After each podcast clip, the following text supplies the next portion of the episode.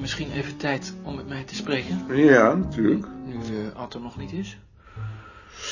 Ik stoor je toch niet in je werk? Ehm, Want uh, dan kan het ook wel een andere keer. je steurt me nooit. Ga je gang.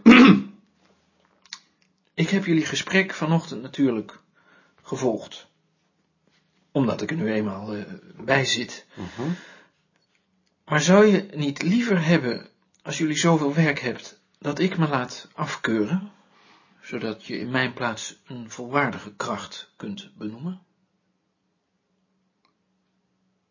Tuurlijk niet. Maar je, je hebt toch niet zoveel aan mij? Ik heb ontzettend veel aan jou. Wat dan? In de eerste plaats doe jij de hele aanschaf voor de bibliotheek. Alleen de adviezen. Maar voor mij zijn jouw adviezen bindend. Nou, dat zou ik nou juist niet zo prettig vinden. Dat zou betekenen dat ik ook verantwoordelijk ben. Ik ben verantwoordelijk. Maar zonder jouw adviezen zou ik me geen raad weten. Maar dat zou je toch ook wel door een ander kunnen laten doen? Door wie? De enige die dat zou kunnen doen is Lien. Dan zou ze het eerst moeten leren, terwijl ze nu ander werk aan doen. Dat zou niks oplossen.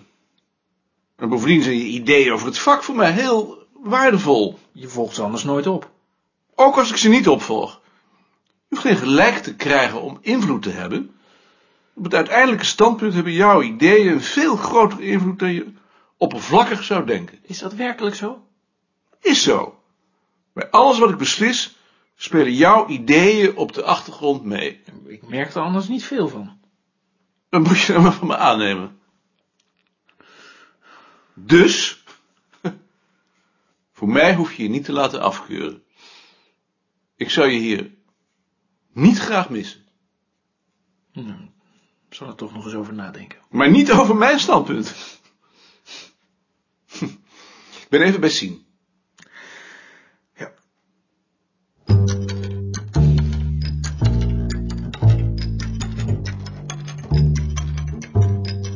Sien, Je bent weer beter. ik ben weer beter. Wat had je nou? Volgens de dokter had ik een keelwandontsteking. Is dat wat anders dan een keelontsteking? God mag het weten, maar het duurde wel langer. Ehm, ik heb je samenvatting van Vauvel gelezen. Je had er moeite mee. Ik heb er drie weken over gedaan.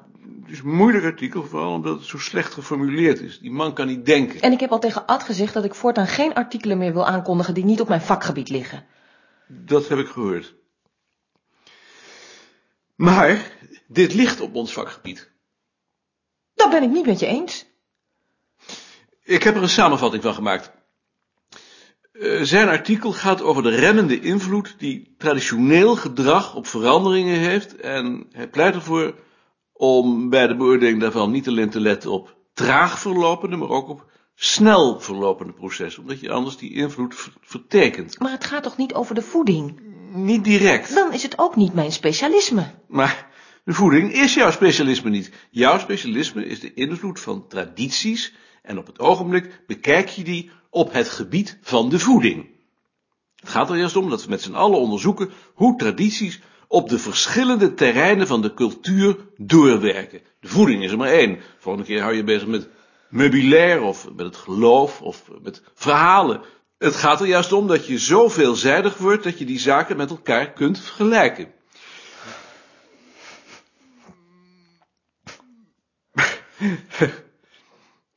Je kunt dus ook niet eigenmachtig beslissen dat je dergelijke artikelen niet meer aankondigt.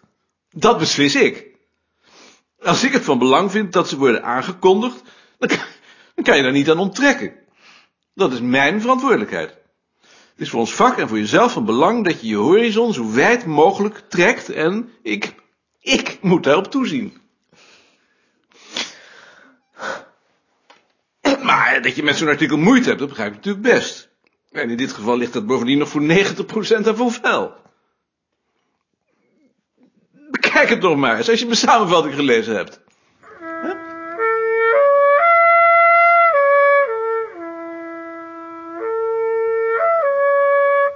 Ik heb je stuk gelezen. En? Het is een vlammend zwaard. Vind je het goed? Je hebt die man totaal vernietigd. Wat doe je daar nu mee? Als de anderen het ook goed vinden, dan stuur ik het eerst aan die man en dan met zijn reactie in het volgende nummer. Zou je dat wel doen? Die man die kan daar toch niet meer op antwoorden? Zo'n man heeft altijd een antwoord. Nou, ik zou het geloof ik niet doen. Ik vind wel dat het moet. Maar we beginnen maar eens met het de molen in te sturen.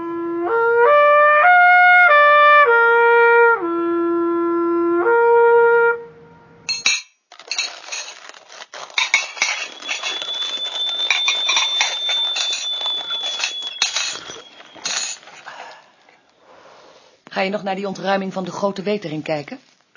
Van wie is dat? Van de icoon? Ja, dat wil ik wel zien. Kom je dan?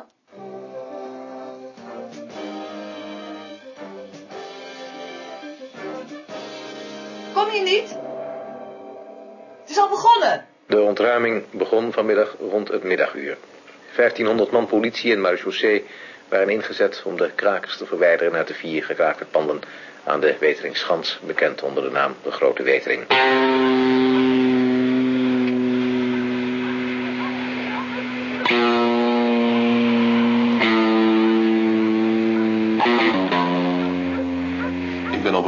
Moment naar Amsterdam gekomen voor mijn beroep.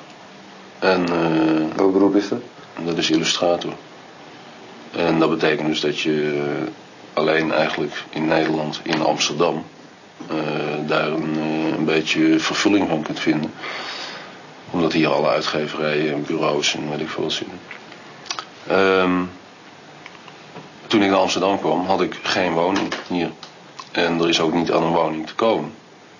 Dus automatisch in de kraakwereld terecht. Ik ben hier gekomen omdat mijn eh, universiteit waar ik zat niet de mogelijkheden had voor mij mijn studie af te maken. En eh, dat betekende dat ik naar Amsterdam moest komen omdat daar alleen mogelijkheden waren. Dat betekende ook daar wonen. De studenten hebben niet veel geld. eh, dat, daardoor kun je niet op en neer blijven reizen. Dat kan, daardoor komt het ook dat je niet legaal kunt hier kunt gaan wonen. Omdat nou, dat op zijn minst 500 gulden in de maand kost. En op een loontje van 700 in de maand eh, kan dat niet. Hij keek argwanend toe. De geïnterviewde krakers begonnen met een achterstand. En in dit geval haalden ze die niet in. Allebei hadden ze gulzige, zelfzuchtige gezichten. Mensen die de borst van hun moeder in haar geheel in hun mond hadden genomen. Hij luisterde naar hun argumenten en probeerde die met die gezichten te combineren. Vele mensen vinden kraken asociaal, hè? Omdat je voor je beurt aan een, eh, aan een huis komt. Begrijp je die, die mening? Eh, ik begrijp hem wel, maar ik kan hem ook weer leggen, want... eh, kijk eens, wat krakers eigenlijk doen... is toevoegen van woonruimte aan het bestand van woningen in Amsterdam. Als er niet gekraakt was, zouden er nog veel meer mensen dakloos zijn. Ik kan me voorstellen als je zelf eh, geen woning hebt en je hebt de kracht niet, eh, de tijd niet eh, en mogelijkheden om, om daar niet zelf voor te zorgen, dat, het heel, dat je heel vervelend vindt dat andere mensen dat dan wel kunnen. Aan de andere kant vind ik dat door dat kraken dat hele beleid aan de kaak gesteld wordt. Waarom vraagt die interviewer nou niet waar dat geld vandaan moet komen... waarmee de gemeente volgens de krakers die panden zou moeten aankopen? Uit de pot waaruit anders de sociale woningbouw gefinancierd wordt... zodat ze met een omweg wel de plaats innemen van anderen.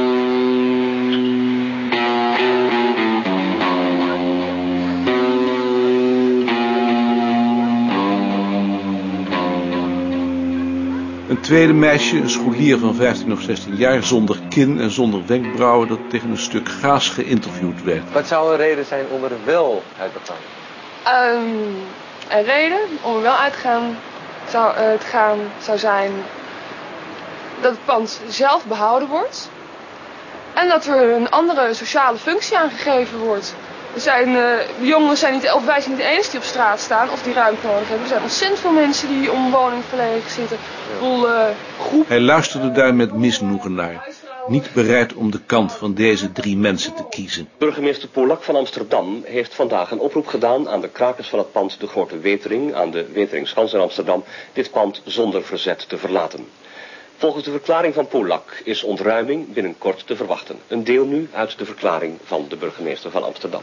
Een nederlaag leiden is uh, geen schande, maar een bij voorbaat uh, verloren veldslag aan te gaan, dat is zinloos en uh, dat is niet goed.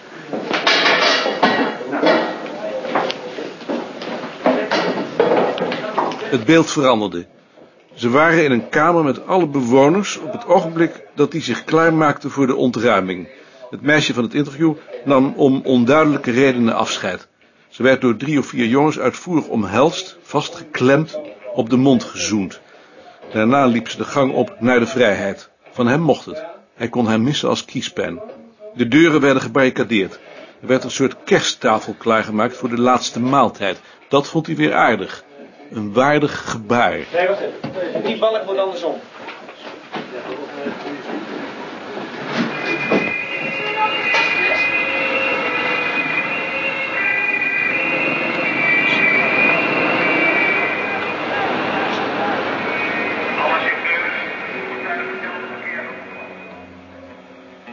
Camera keek naar buiten.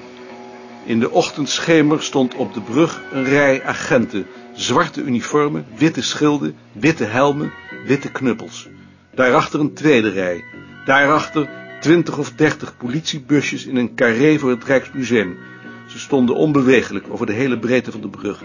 De straat voor het huis was verlaten. Het was onheilspellend. Terwijl hij met de camera meekeek, voelde hij een lichte angst, bezorgdheid sympathie voor die paar mensen in dit gezelschap die hem aardig leken en meer in het algemeen met hun situatie. Die sympathie nam weer af toen de camera liet zien dat een paar over elkaar zat te strijken en elkaar omhelzen. Zodra er een hoerenboel van gemaakt werd, kreeg hij, of hij wilde of niet, de behoefte in te grijpen, al kon hij daarbij niet tegelijk aan al die zwarte mannen daarbuiten denken.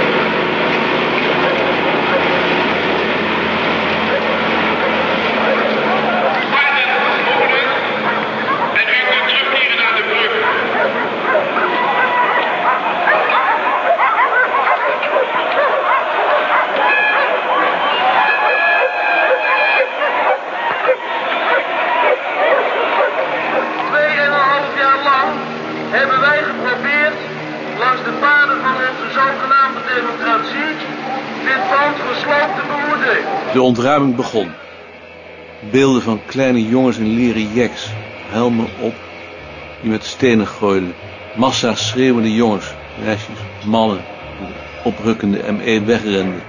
Een stenen gooier die werd ingerekend.